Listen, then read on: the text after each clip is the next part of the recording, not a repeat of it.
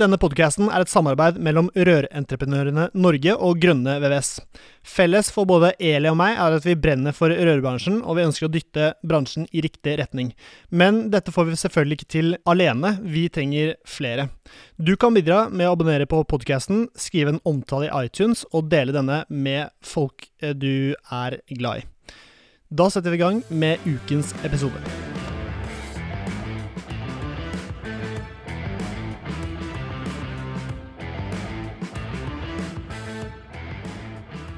Hei, hei, og hjertelig velkommen til en ny episode av Bare Rør med Eli Hermine Heidal Eide fra Rør-Norge og Severin Poppmidtade fra Grønne VVS. Og som alltid, Eli, du ser nydelig ut. Ja. Fiksa litt på håret. Ja, ja, ja. Pynta meg for deg, vet du, Severin. Ja, det er det jeg tenkte, Ja. men kanskje ikke bare meg, fordi Nei. vi har jo gamle bekjente her i dag. Ja, Tidligere kollega, faktisk. Tidligere kollega, jeg føler mm. alle, alle er det. Ja, jeg føler jeg har veldig mange tidligere og nåværende også, kollegaer i rødbransjen, faktisk. Mm. Men dette er en jeg faktisk har jobba sammen med i flere år. Enn du faktisk liker. Jeg liker den veldig godt, Ja. og jeg var med ansatt nå. Og jeg fulgte den opp når den var lærling. Ansatte i hvilket uh, firma? Opplæringskontoret for bygg- i Buskerud. Eller okay. OB Viken, som det heter nå. Hvordan uh, okay, det var deg og en til? Jeg kan jo ta en sånn kjapp intro på det, da. Men jeg jobba jo da tidligere på um, Rørentreprenørenes opplæringskontor, sånn kort fortalt, i Buskerud. Uh, som er et flerfaglig opplæringskontor. Der hadde jeg ansvar for rørleggerfaget. Og så balla det seg litt på, for at når jeg begynte, så var det ikke så mange lærlinger. Men det ble fort mange. Så vi trang litt hjelp. Eh, og da måtte man ut og søke etter folk. Og den beste kandidaten som søkte jobb der den gangen, han het Nikolai, og er her i dag. Det var en jeg hadde vært så heldig å følge opp mens han gikk i lære som rørleggerlærling, rett før han skulle opp til sendeprøven, i et firma som het Espen Henriksen i Drammen, som nå er GK i Drammen, så vidt jeg veit. Så Nikolai har jeg kjent og jobba sammen med i mange år.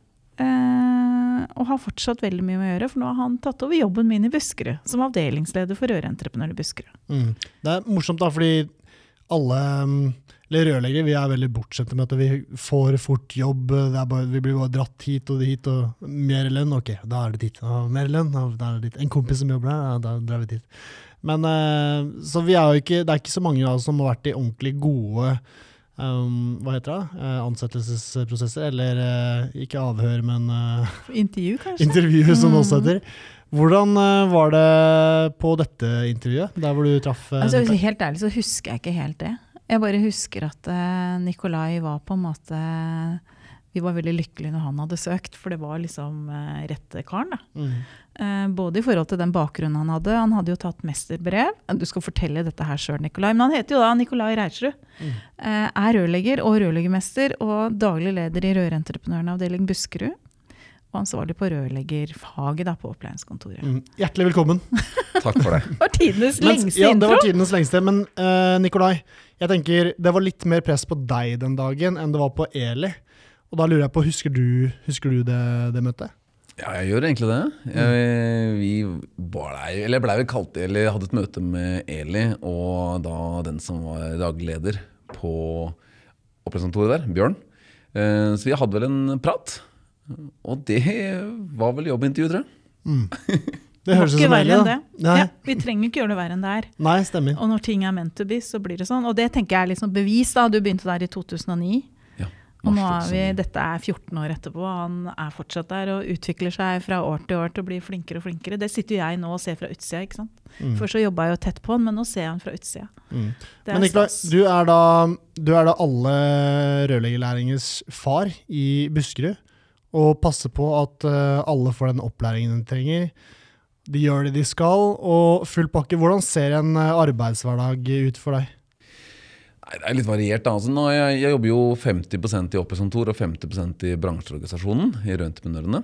Eh, Så det er litt sånn, eh, det blir litt eh, blanding fram og tilbake. Men klart disse jobbene går jo veldig mye i hverandre. da. Så, men en, en av delen kan jo være at jeg har kontakt med bedrifter angående å ha samtaler med lærlinger. Eh, og da noen ganger så er jeg da ute hos eh, lærlingene.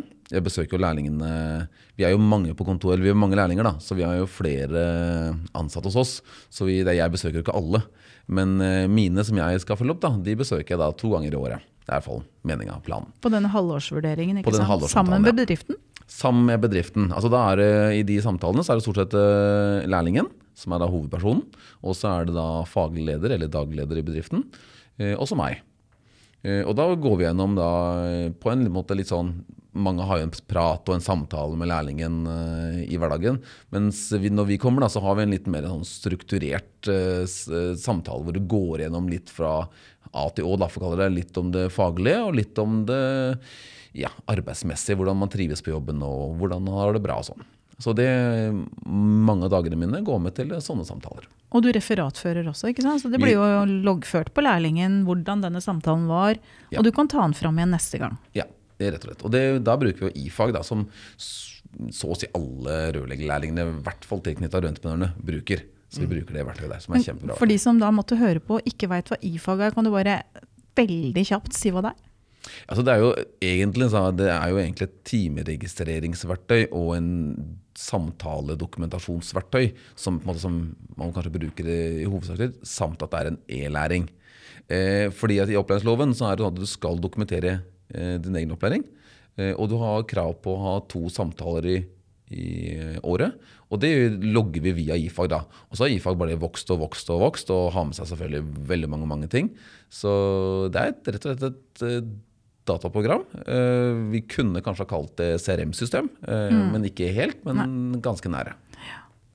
Jeg jobba jo i NRL, som det het da, når vi begynte å utvikle det. Og resultatet, altså dette er jo et resultat av at uh, opplæringsloven var ganske tydelig på liksom hva du som lærling har rett på, og hva du som bedrift skal bidra med i forhold til lærlingen din. Og så var det et behov for å få mer struktur og system, sånn at du var sikker på at du i hvert fall kom gjennom hadde sjans til å komme gjennom. Da. At det var liksom et Kall det et planleggingsverktøy da, for egentlig hele læretida. Også litt sånn tilbakeskuende. ikke sant? At når Nikolai kommer på en halvårsvurdering, så kan du se hva lærlingen har jobba med. Lærlingen har vurdert seg sjøl, bedriften har vurdert lærlingen. Og man kan se at ok, nå ser jeg at du har jobba veldig mye med det og det, nå kan jeg putte deg opp på noe annet. Men dette er jo bare en, det er en oppgave du har som tar veldig mye tid, regner jeg med. For det, tar jo tid å snakke med mange lærlinger og bedrifter og reise rundt, da. Ja, det gjør det. Og det er jo på en måte både det å booke samtaler og ta samtaler og kjøre samtaler. Og det, det er klart det er jo mye arbeid rundt det. Det er gøy, da. Så veldig gøy og veldig interessant. Og det er jo kjempespennende å være ute hos bedriften og eh, se lærlingene. Og, og det som også er gøy, det er klart, vi følger jo lærlingene hele veien fra de kommer inn i bedriften eh, til på en måte jeg ser den også til svenneprøver, for de tar svenneprøvene hos oss. Eh, og da ser vi en utvikling på alle lærlingene, og det er jo kjempe, kjempespennende. Har du fortsatt med min lille Jeg hadde jo en sånn der spesialgreie som jeg tror jeg skremte vettet av mange lærlinger når de var unge. Men jeg hadde alltid med meg en sånn liten pose med diverse rørdeler. En liten goodiebag, ja. Har du fortsatt med det, eller? Nei, jeg gjorde det lenge, Ja. men uh, så blir samtalene Det er så mye som skal ja, inn i samtalen samtalen at uh, skal jeg klare å holde meg innafor en eh, time som jeg sikkert både bedriften setter pris på, og uh, jeg som må prøve på, så, så hender det at den ryker. Men uh, så har jeg ikke gjort det på en stund nå. Har du gjort det med lærlingene dine? Lagd en liten goodiebag hvor det ligger sånn diverse rørdeler og sånn? Og så i Ja, lunsjen, sånn da. Jeg, jeg lærte nemlig det. Det var sånn jeg lærte navn på rørdeler. At uh, dem jeg var ute og jobba med, da hadde liksom sånn Eller se her! Og så slang de noen deler foran når vi satt og spiste eller noe sånt. Så hva heter den, og hva er det, ja. Nei, det er kleint, ass. Nei, det var ikke Ja, det kan Altså, hende er noen syns det er kleint, men det er fint, da. Ja, det som er fint er at Du eksempel kan legge fram en NIL-union, du kan legge fram en FBL-union, du kan legge fram en pipefix og en SM-mutter og noen klemdeler og litt ulike ting. Da. Så kan du se hvordan dette passer sammen. For det er jo noen sånne prinsipper i eh, rørdelesystemet vårt da, som gjør at f.eks. en konus passer ikke på der, er- der den er flat. Da må jo ha kroppen ha en kon. ikke sant? Og sånne type ting. Og det gir jo lærlingene en viss forståelse av hvordan deler passer sammen. Er Da. det riktig tidspunkt? Nå kritiserer jeg bare. Nei, men, nei, ja, nei det, det jeg opplever, var jo at det bare var en fin Veldig mange syns jo det er litt sånn Denne vurderingssamtalen, det høres litt skummelt ut, og skal, nå skal jeg få kjeft. Og det er veldig mange som er litt sånn usikre på det. Og det gjør jo at den samtalen egentlig får litt betydning, fordi at du Men det går jo fra en samtale til en prøve. da. Nei, det er ikke en prøve, det er en samtale om det som ligger der. Det drar seg jo litt på en måte, Det Det en knytter en del start. emner da Mm. Det knytter en del emner opp imot det du ser, og så kan man ha en fin faglig prat rundt det. Mm. Så det er jo, og det er litt sånn hvordan du legger det fram, selvfølgelig. Altså, det er jo ikke meninga å slå han av noen. Det var mer bare at det er en veldig bra måte å både for noen som har da, For det jeg opplevde da, hvis det var noen som hadde satt seg veldig lite inn i det, var at en kunne veldig mye om det neste gang jeg kom. Sånn det, for det så vi jo, eller så jeg da, at det var jo ofte kanskje litt travelt i hverdagen at man kanskje ikke klarte å få inn alle de nyansene hos lærlingen. At du blir fortsatt i masse jobb, men alle disse tinga som på en måte er med og gjør forskjellen på en som kan mye, og en som bare herver over, for å si det litt sånn hoksunsk, den ligger i de detaljene, da. Mm. Det er jo en detalj som er viktig, at du skjønner alle de tinga du kan gjøre feil òg, ikke sant. Mm. Tidlig. Så ja, men det var bare én av oppgavene dine. Du gjør Ja. jo mye rart. Du, han spurte jo om bare hverdagen din. Ja, nei, så er jo Det er jo alle mulige ting som knytter seg til uh, rødentreprenørene og opplæringskontorene. Altså, vi har jo Ja. Jeg jobber litt med f.eks. instruktørkurs. eh, og faglig lederkurs er jo en, eh, er noe av hverdagen eh, når vi kjører de kursene. Eh, ja, så er det litt sånn ulikt og veldig sammensatt. Mm. Men faglig leder i en bedrift, har alle bedrifter det, eller? Hvis du har lærling, så skal altså, du ha det. Ja, du, du må ha en det for at eh, noen skal signere på kontrakten eller stå ansvarlig for, eh, for lærlingen. Da. Så det, alle bedrifter skal ha en fagleder. Men det er klart mange bedrifter har jo da en dobbeltrolle. Han er både daglig leder og faglig leder. Det kan godt være samme person også. Og noen ganger er du også instruktør. Så- Severin er jo det. Han er Ja. både daglig leder, faglig leder, markedssjef, instruktør, regnskapssjef. Du er egentlig det meste. Ja. Det er herlig. Jo, men nettopp det der med instruktørkurs og faglig Mm. lederkurs det hadde jo egentlig vært eh, Det er en av de tinga vi tenkte vi skulle snakke litt om i dag. Mm. Eh, fordi at eh, utgangspunktet for denne samtalen er jo hvordan eh, du som er rørlegger, eller du som er, eh, da har et ansvar i en rørleggerbedrift, kan bidra til at nettopp din lærling blir den best mulige lærlingen. Altså Hvordan kan den du velger å ansette som lærling, eh, ved din hjelp bli best mulig? Og det har jo du nå fått i hvert fall 14 års erfaring, i tillegg til at du har hatt lærling sjøl når du drev bedrift. ikke sant? Mm. Um, dette er din, jeg tenker sånn, Hvis du driver rørleggerfirma, så er det kjernevirksomheten. Men nå er jo din kjernevirksomhet faktisk å finne ut hvordan blir du en best mulig lærling. Ja. Så vi vil gjerne bare ha svar på det, vi.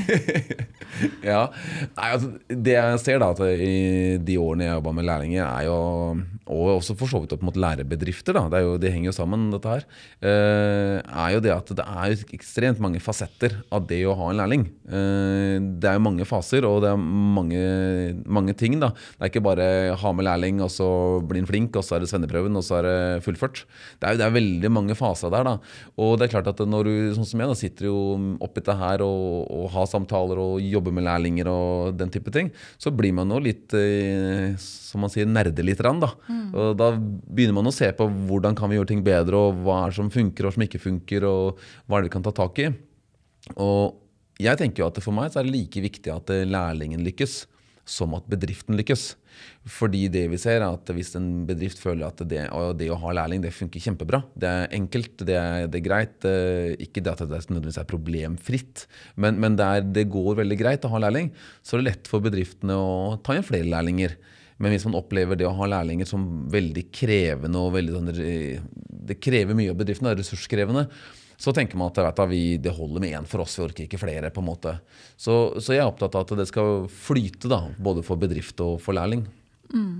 Og da tenker jeg at den eh, hverdagen din går jo vel så mye på Når du nevner instruktørkurs og, og faglig lederkurs, så handler jo det om å gi de som skal ha med seg lærlinger, eller om det er utplasseringselever, eller hvem det er, eller ha med seg ansatte i bedriften, lære opp noen. Mm. At de har et best mulig grunnlag for å kunne gjøre det. Ikke bare sånn faglig sett, men også alle de tinga du bl.a. Etter, etter hvert har erfart at uh, to do and not to do. Mm. For det er jo noen sånne klare anbefalinger du har. Ja, så klart at det, I utgangspunktet når du har med deg lærling, da, så har du jo faget på plass. Eh, Ja, det må du forvente. Det, det forventer vi, på en måte, og det er mange av de er jo ekstremt flinke rørleggere man er med også. Men det vi kanskje ser, da, er jo at en del instruktører og mentorer da, eh, som har med seg eh, lærlingen, de har jo ikke noe, kanskje noe pedagogisk kompetanse, eller eh, hvordan man noe verktøy for hvordan jeg skal drive opplæring. Og så Stort sett så er man med, og så lærer man faget. Men det er jo en del type teknikker da, som man kan bruke for å lære de ulike lærlingene litt eh, faget på ulike måter. Man kan vise det, eller man kan demonstrere det, eller man kan eh, snakke om det, man kan fortelle det. Det er mange måter å, eh, å instruere en oppgave på, da, til, fra en mentor til en lærling. Og der tror jeg vi kan eh, tilføre noe noen ganger. Da, fordi vi har jobba masse med det med å ha lærlinger, og hvordan lærling skal være, og hvordan, hva lærlingen skal gjøre, og masse sånne systemer rundt det. Men jeg tror kanskje det feltet som er kanskje fokusert minst på når det gjelder det med lærlingløpet, da, det er instruktøren. Og det er faktisk instruktøren som er læreren. Eh, så, og i dag så er jo lærerstudiet er et langt studie for å da lærer man jo hvordan man skal lære bort. Mm. Eh, og det tror jeg mange rørleggere i dag eh, har jo ikke noe ikke noe dokumentert kanskje, eller Mange har ikke noe dokumentert kunnskap om det. Så der er man helt prisgitt at den rørleggeren du er med, da, har en, eh, en ryggsekk med faktisk litt talent da, på å lære bort til lærlingen. da. Men vi jo vi hører noen som har havna hos rørleggere som verken har talentet eller så veldig mye ryggsekken òg. Det skjer jo, det òg.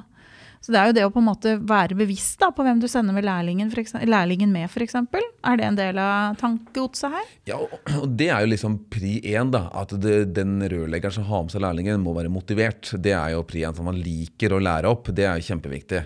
Eh, fordi Hvis ikke så tror jeg ikke det altså, ja, Du må ha en motivasjon for det. da.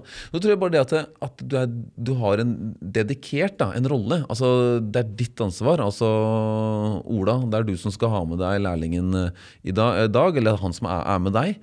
Eh, sånn at, eh, For det vi tenker på, er jo som eh, Vi ser da at en del lærlinger som kommer inn i arbeidslivet nå, har jo ikke den eh, arbeidslivserfaringen som kanskje vi hadde med oss når vi gikk inn i læra. Eh, det var litt andre muligheter da, for ungdommene før enn det det er i dag. Sånn som Tidligere så var det kanskje lettere å få en del jobber og, så når du var ung. Sommerjobber, kveldsjobber. sånne ting. Og I dag er det ofte sånn at man må være 18 år, og man får ikke, får ikke tak i de jobbene. Det er ikke så mange av de jobbene. Uh, så det er litt annerledes, da. Det, eller lærlingene har med seg en annen bagasje ut enn det man kanskje hadde med tidligere. Og det gjør jo at eh, bedriftene møter arbeidslivet med andre, for, mange andre forutsetninger da, enn det man gjorde tidligere. Og da havner det litt på bedriften, da, opplæringsbedriften, at de må kanskje eh, følge opp lærlingen Uh, også med det med arbeidslivsopplæring, uh, som jeg pleier å kalle det. Og det er, hva, hva, er det? Jo, det er jo en, en samlesekk. da, Med det å komme seg på jobb om morgenen, det å jobbe hele dagen, det å ikke bruke telefon, du kan ikke stå på sosiale medier og, og bruke tida på det.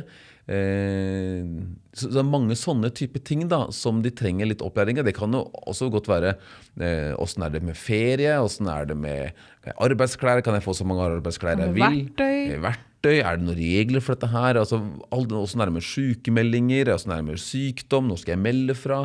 Altså Masse sånne type ting da, som er en, gjerne noen ulitt uskrevne regler. Det er selvfølgelig mye av det er skrevet. da. Det burde jo vært skrevet hos alle. Men, ja, og det ligger jo i personalhåndboka til bedriften. Skal, skal ligge der. Men, men, veldig mange ganger så har ikke sikkert lærlingen setter seg inn i det.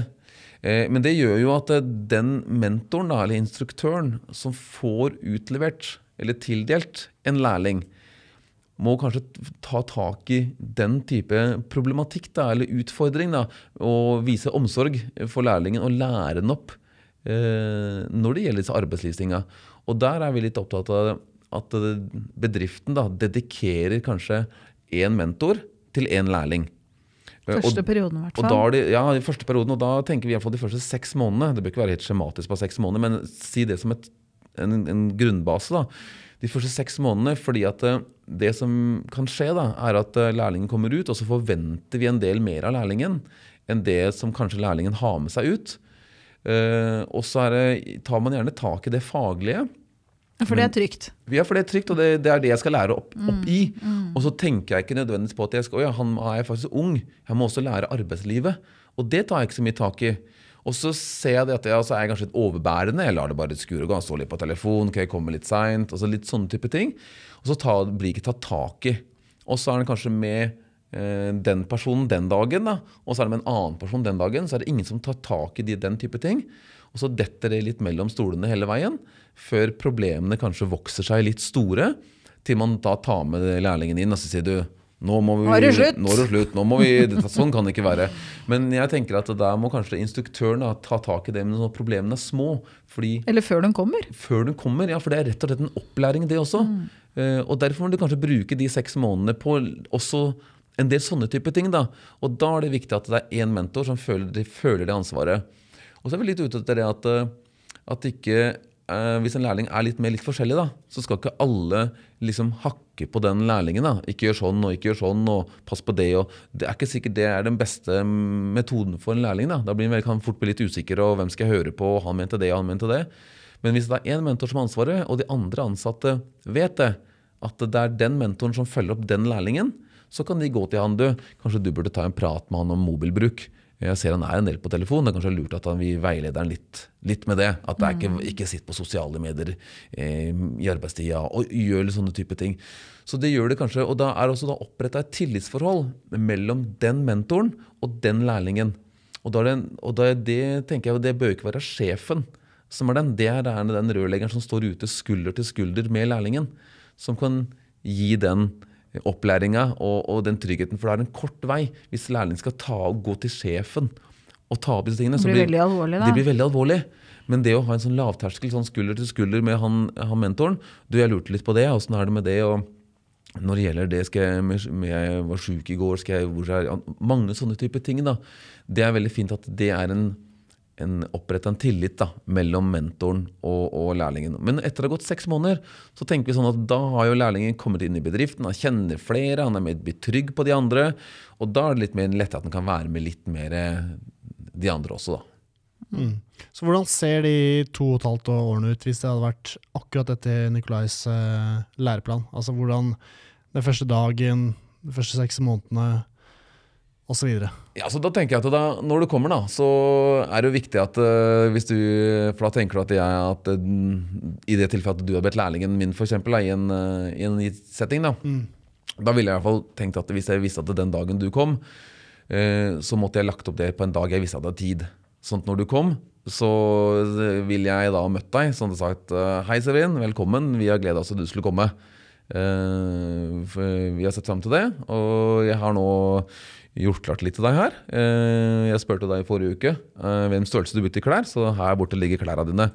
Uh, og det er litt sånn, Jeg husker det sjøl også, den gangen du fikk arbeidsklær. Det var jo det var steinkult, og med logo på og greier. Og da var du virkelig en av, en av, gutta. Det var stas. Men det kan jo være en gyllen anledning da når du får de klærne til å si at Og så har vi en liksom forventning om åssen du ser ut på jobb. Du bør vaske arbeidstøyet ditt sånn og sånn, og at du bytter T-skjorte hver dag. Altså At du kommer med litt sånne helt sånn basic ting som det ikke sikkert er helt naturlig for en 17-18-åring å koble. da. Mm. Ja, og, og, fordi at det, du kan si at også Kanskje bedriften også har et slagord. da, At vi er, vi er, best i byen på service. Eller vi skal være altså Noen sånne type ting.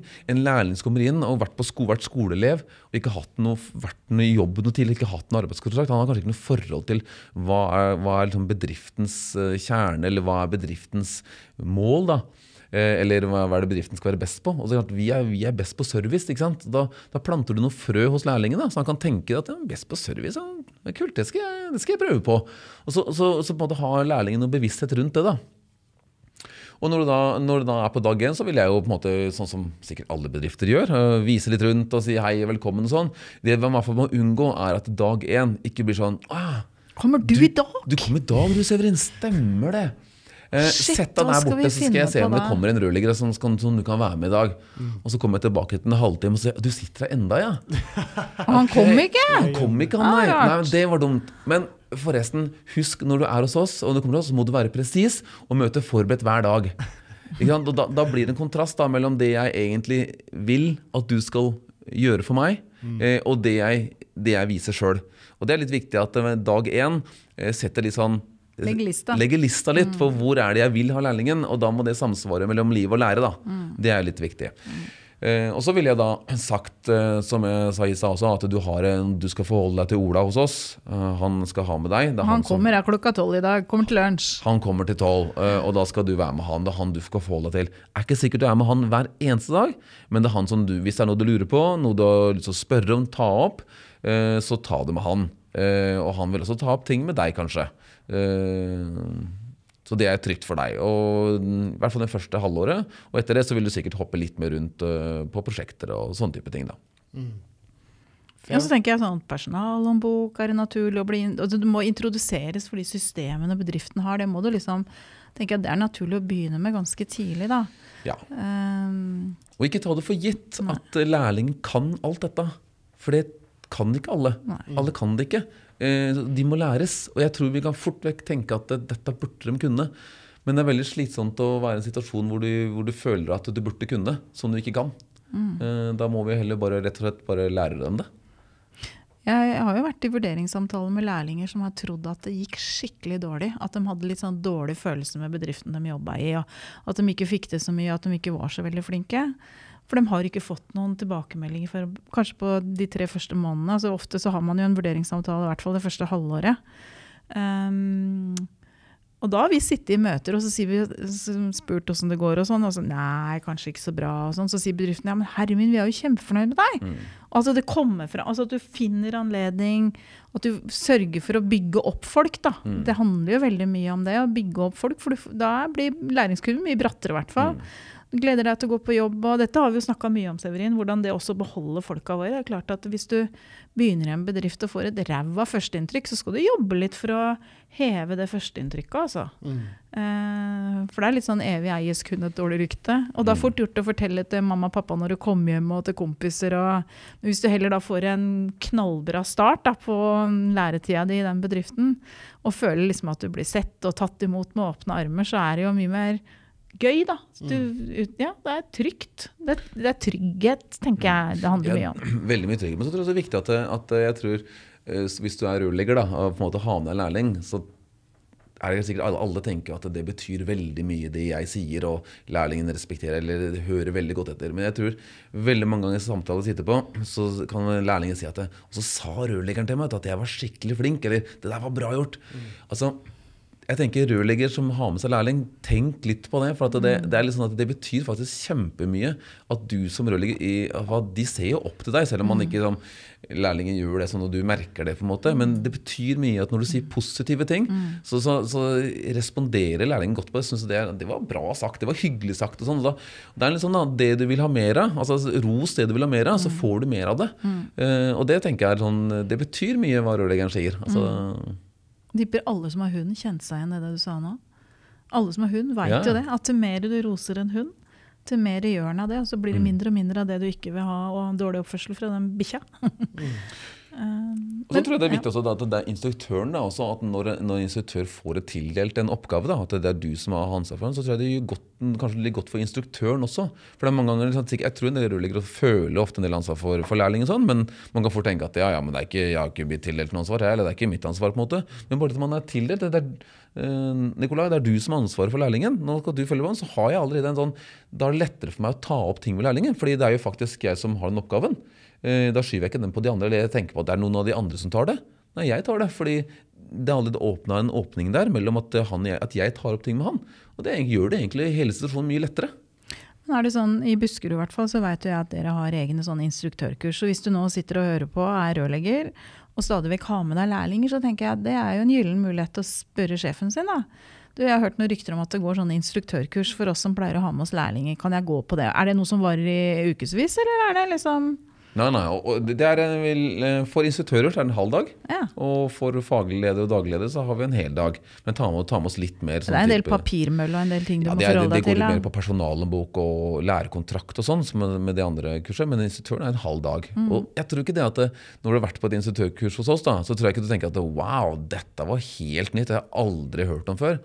Eh, det tror jeg ikke. Jeg tror det er mye, mye Selvsagt. Ja, mye selvsagt. Men det handler egentlig bare om å få, noe, eh, få det be, i bevisstheten og sette det litt i båser og sortere litt. og Man kan bruke ulike ting. og Hvordan håndterer vi ulike utfordringer på en på en, ålreit uh, måte.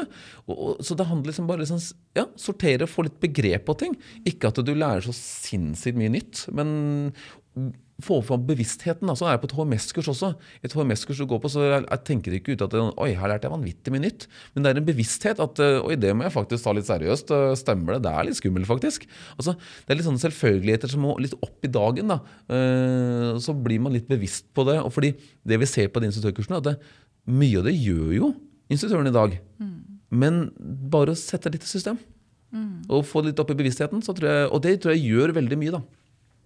Ja, så tenker jeg Hvis jeg hadde jobba i et rørleggerfirma og tenkte at eh, hm, hvis sjefen min tenker at jeg er kompetent til å drive og liksom utvikle gullet vårt altså Det er jo det det er. Altså, du skal, dette er jo dine fremtidige arbeidskollegaer og ansatte.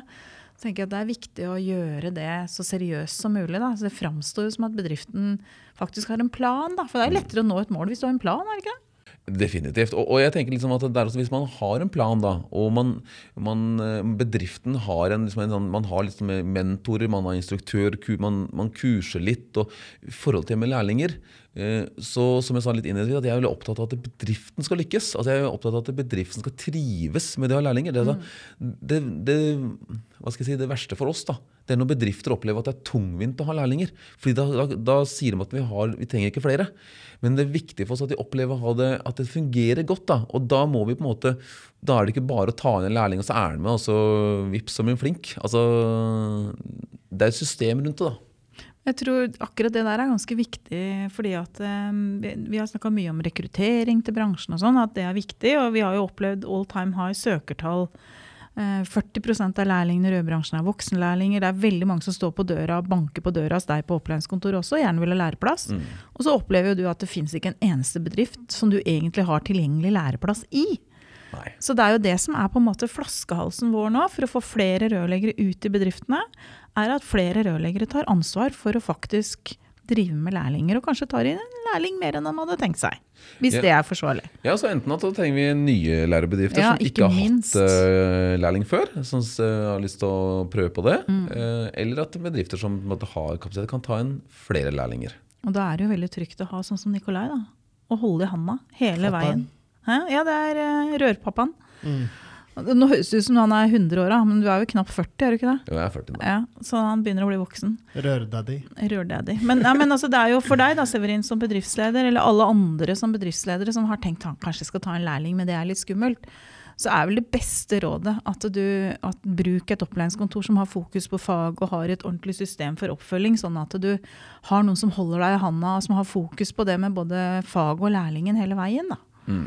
Og det er ikke det at de som jobber på opplæringskontor er så veldig mye mer fantastiske enn eh, de andre. Det, absolutt ikke. Det er masse sinnssykt mange flinke bedrifter og flinke fagfolk og, som kan dette. Sånn. Men, men, vi sitter jo litt med dette her uh, i vår lille nisje da, og jobber med lærlinger. Og, litt, du driver egentlig bare med det. ja. ja. Og, og, og, ta vare på det da, altså på en måte, og følger opp det. Så det, er klart, det hjelper jo litt. da, og og samarbeide. Og der mener jeg at det å bruke opplæringskontoret til eh, det vi kan også, og så vi kan prøve å bistå. Men hvis du en, hvis du ansetter en lærling, og så er det jo liksom Vi har snakka litt tidligere om det med, i podkasten om det med jobbintervju og åssen du screener folk og sånn. Men hvis du da viser seg at du har ansatt en som du tenker at øh, oi, her øh, det var litt mer utfordrende enn jeg hadde tenkt. Jo, vi opplever at det er en del diagnoser der ute. altså at Det er lærlinger som kanskje har noen utfordringer som har vært litt underkommunisert. Mm. Som kanskje kan gi litt utfordringer i forhold til å lære seg ting, ta imot beskjeder. ADHD er jo en ganske sånn ikke uvanlig diagnose for veldig mange mm, nå. Mm. Er det på en måte ting dere jobber med og er bevisst på? Jeg tror det, altså det er litt sånn nesten kan si bare de siste par åra Etter korona? Ja, kanskje, ja, kanskje spesielt mm. etter koronaen. I hvert fall har det kommet opp mer og mer det siste. at det, Sånn som type diagnose som du nevner med, med ADHD og sånn.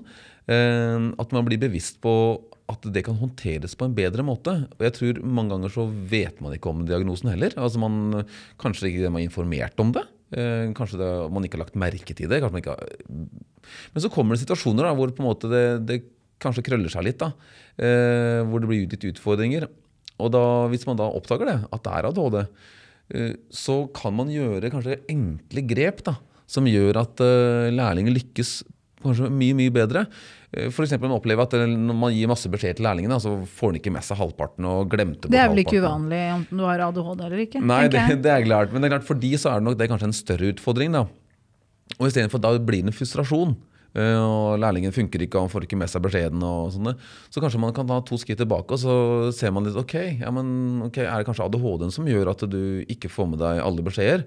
Uh, og da bør man ikke sette himmel og jord i bevegelse av det, men man må kanskje håndtere det litt annerledes. da. Altså Man bør kanskje ikke gi ti beskjeder, da gir man kanskje én beskjed. Og så kan det kanskje være lurt at uh, lærlingen kanskje gjentar uh, den oppgaven. Altså hva fortalte jeg deg nå, hva har du oppfatta at du skal gjøre nå? Og Så sier lærlingen at det, det, var sånn og sånn og sånn, og så sier han at uh, kan da fagmann rette inn litt og si at det var ikke helt sånn, men uh, det var sånn og sånn. Ok, hva er oppgaven? Og så gjentar det. Ja, det er riktig. Det er riktig forstått. Og så da trygger du Jeg tenker det er to fordeler med det. da. Det ene er at du trygger lærlingen. At han faktisk, når da fagmannen skal gjøre noe annet, og han lærlingen blir sittende igjen med den oppgaven, så er lærlingen mye roligere, han er tryggere og kan liksom på en måte gå løs på oppgaven da, eh, på en bedre måte. Og så tror jeg den andre siden er jo at fagmannen som går, da, han også er litt tryggere eh, inni seg. At eh, ja, jeg tror faktisk han fikk med seg. For det er ikke så veldig behagelig å gå fra etter å ha tildelt en oppgave. Og så lurer du på egentlig, jeg fikk med seg egentlig det jeg sa, eller hva gjorde han det? Og da er det litt ålreit for fagmannen at han er sånn, ja, det tror jeg han gjorde. Han forklarte hva han skulle gjøre, og det virka greit. Så jeg tror sånn, sånne ting, ting da, med, med ADHD er eh, det er ikke det at man skal forstå seg i hjel og man skal sånn sette himmel og jord i bevegelse. Det er små ting, men man må være obs på det, og man må være villig til å, å lytte og spørre litt. Hva, hva, hvordan kan vi legge opp løpet for deg, sånn at du får med deg oppgaven? Eller hvorfor får du det ikke med deg? Hvorfor, uh, hvorfor sitter du og kikker på oppgaven? Og Da tror jeg vi kan gjøre sånne enkle grep. hvis jeg bare, eh, Man bør ikke være ADHD-ekspert eh, for å kunne løse det. Man kan Bare ha tenkt på det. bare ha tenkt på det. Får du noe å tenke på, Nikolai? Får du noe å tenke på? Eh, Severin, mener jeg. eh, ja, definitivt. Og jeg blir veldig inspirert av å høre på. Så jeg får mange gode planer. Um, som blir gøy å utføre. Men jeg har goodiebags. Men det er da i dag fikk Valdis en eh, donut og en cola. Ja, det er en god goodiebag. Uh, for jeg trodde det var det vi var ute etter. Nei, dette var var en litt annen goodiebag. Ja, stemmer. Det var rørdeler-goodiebagen. Ah, den er lei i forhold til Den er litt donuten. lei, altså. Jeg kan aldri gi donut Jeg eh, kommer til i- Valdemar og bare 'Her har du goodiebagen'. Du vet den vanlige. Og så kommer vi med delene og bare Ja, hva er det her? Du kan få en donut hvis du fikser goodiebagen. Ja, Den det er andre. sant. Mm. Ja. Men, men greia er i hvert fall at um, bakgrunnen for at jeg hadde lyst til å snakke om det her i dag, da, det er jo rett og slett det at uh, bedriftene står der ute og skriker etter folk. Vi trenger flere rørleggere. Eh, vi har eh, masse søkere, men vi trenger flere nye lærebedrifter, og vi trenger at de som har lær lærling, tar inn flere. Men at vi kan kanskje mm, har en vei å gå, mange kan ha en vei å gå i forhold til å bli mer bevisst på å faktisk ta vare på den lærlingen underveis. Mm. Så det er jo på en måte litt sånn eh, storyen her i dag. Men hvorfor skal en bedrift ta inn lærlinger, tenker du Nikolai? Nei, det er, det er mange gode grunner. Ja, det har det? Ja. Nei, altså, jeg tror nok mange også tenker eh, Kanskje først og fremst at det er et samfunnsansvar. Eh, Man vil egentlig gi neste generasjon en, en anledning til å Eller være med å bære neste generasjon fram. Da. Det å gi en læreplass, og de ungdommen kan få en utdanning og ja, skaffe seg et levebrød på den måten. Eh, og så er det selvfølgelig det å kunne bære faget videre. Altså det må jo, altså Vi lever jo ikke evig. Uh, og Da er det viktig at noen arver den fagkunnskapen uh, som vi har funnet opp. da, Og bringer det videre og utvikler den videre til neste generasjon. Eh, og så tror jeg at altså Det som er viktig også, at det man har, tar inn lærlinger, er at det, å gi den samme yrkesstoltheten og fagkunnskapen. Fordi jeg mener at det er jo faget, eh, eller yrkes- eller kunnskapen vår, da, som beskytter faget vårt. Så hvis vi har høy fagkompetanse, så er det med å beskytte rørleggerfaget. da. Eh, Og den er viktig at, at eh, lærlingene arver den kunnskapen. For det er jo mange vanvittig flinke rørleggere som er kanskje kommet litt opp i åra. Og da er det viktig at den kunnskapen der blir arva ned til en, eh, en 18-åring, 19-åring, som arver den kunnskapen. ja, så er det jo viktig for businessen til de som driver bedrift også, ikke minst, å ha flinke folk. Ja, ja. Da tjener du mer penger, da. Du gjør det. Og ingen som leker butikk. Nei, så, og så er, det- er det viktig det at vi eh, I dag da, så er det ikke så veldig mange rørleggere med svennebrev ute og går eh, og venter på jobb. Det er, det er jo vanskelig å få tak i eh, alle alle vil ha tak i en selvstendig, oppegående, flink eh, rørlegger som bare kan begynne i morgen. Men eh, det er ikke så lett, det er ikke så mange av dem som er, står uten jobb. da. Nei. Eh, De reker ikke gatelangs. de reker ikke sånn. gatelangs. Eh, og, og så klart, også, Da er det viktig at man sikrer nok tilgang. Og det er jo nettopp det at man tar et ansvar med Mm. å være med å rekruttere nok folk til faget vårt. Så Mm. vi har uh, Det er faktisk sånn at uh, Nå har vi ikke fått tallene for 2022 ennå, så jeg har tallene fra 31.12.2021 i huet ennå. Per 31.12.2021 så var det 17 580 personer som var registrert som utførende rørleggere i Norge. Mm. Og så var det 2026 lærlinger. Så får vi se, da. Når tallene for 2022 kommer nå utover våren, åssen om- åssen det utvikler seg. Men vi har hatt bra vekst de siste åra. Mm.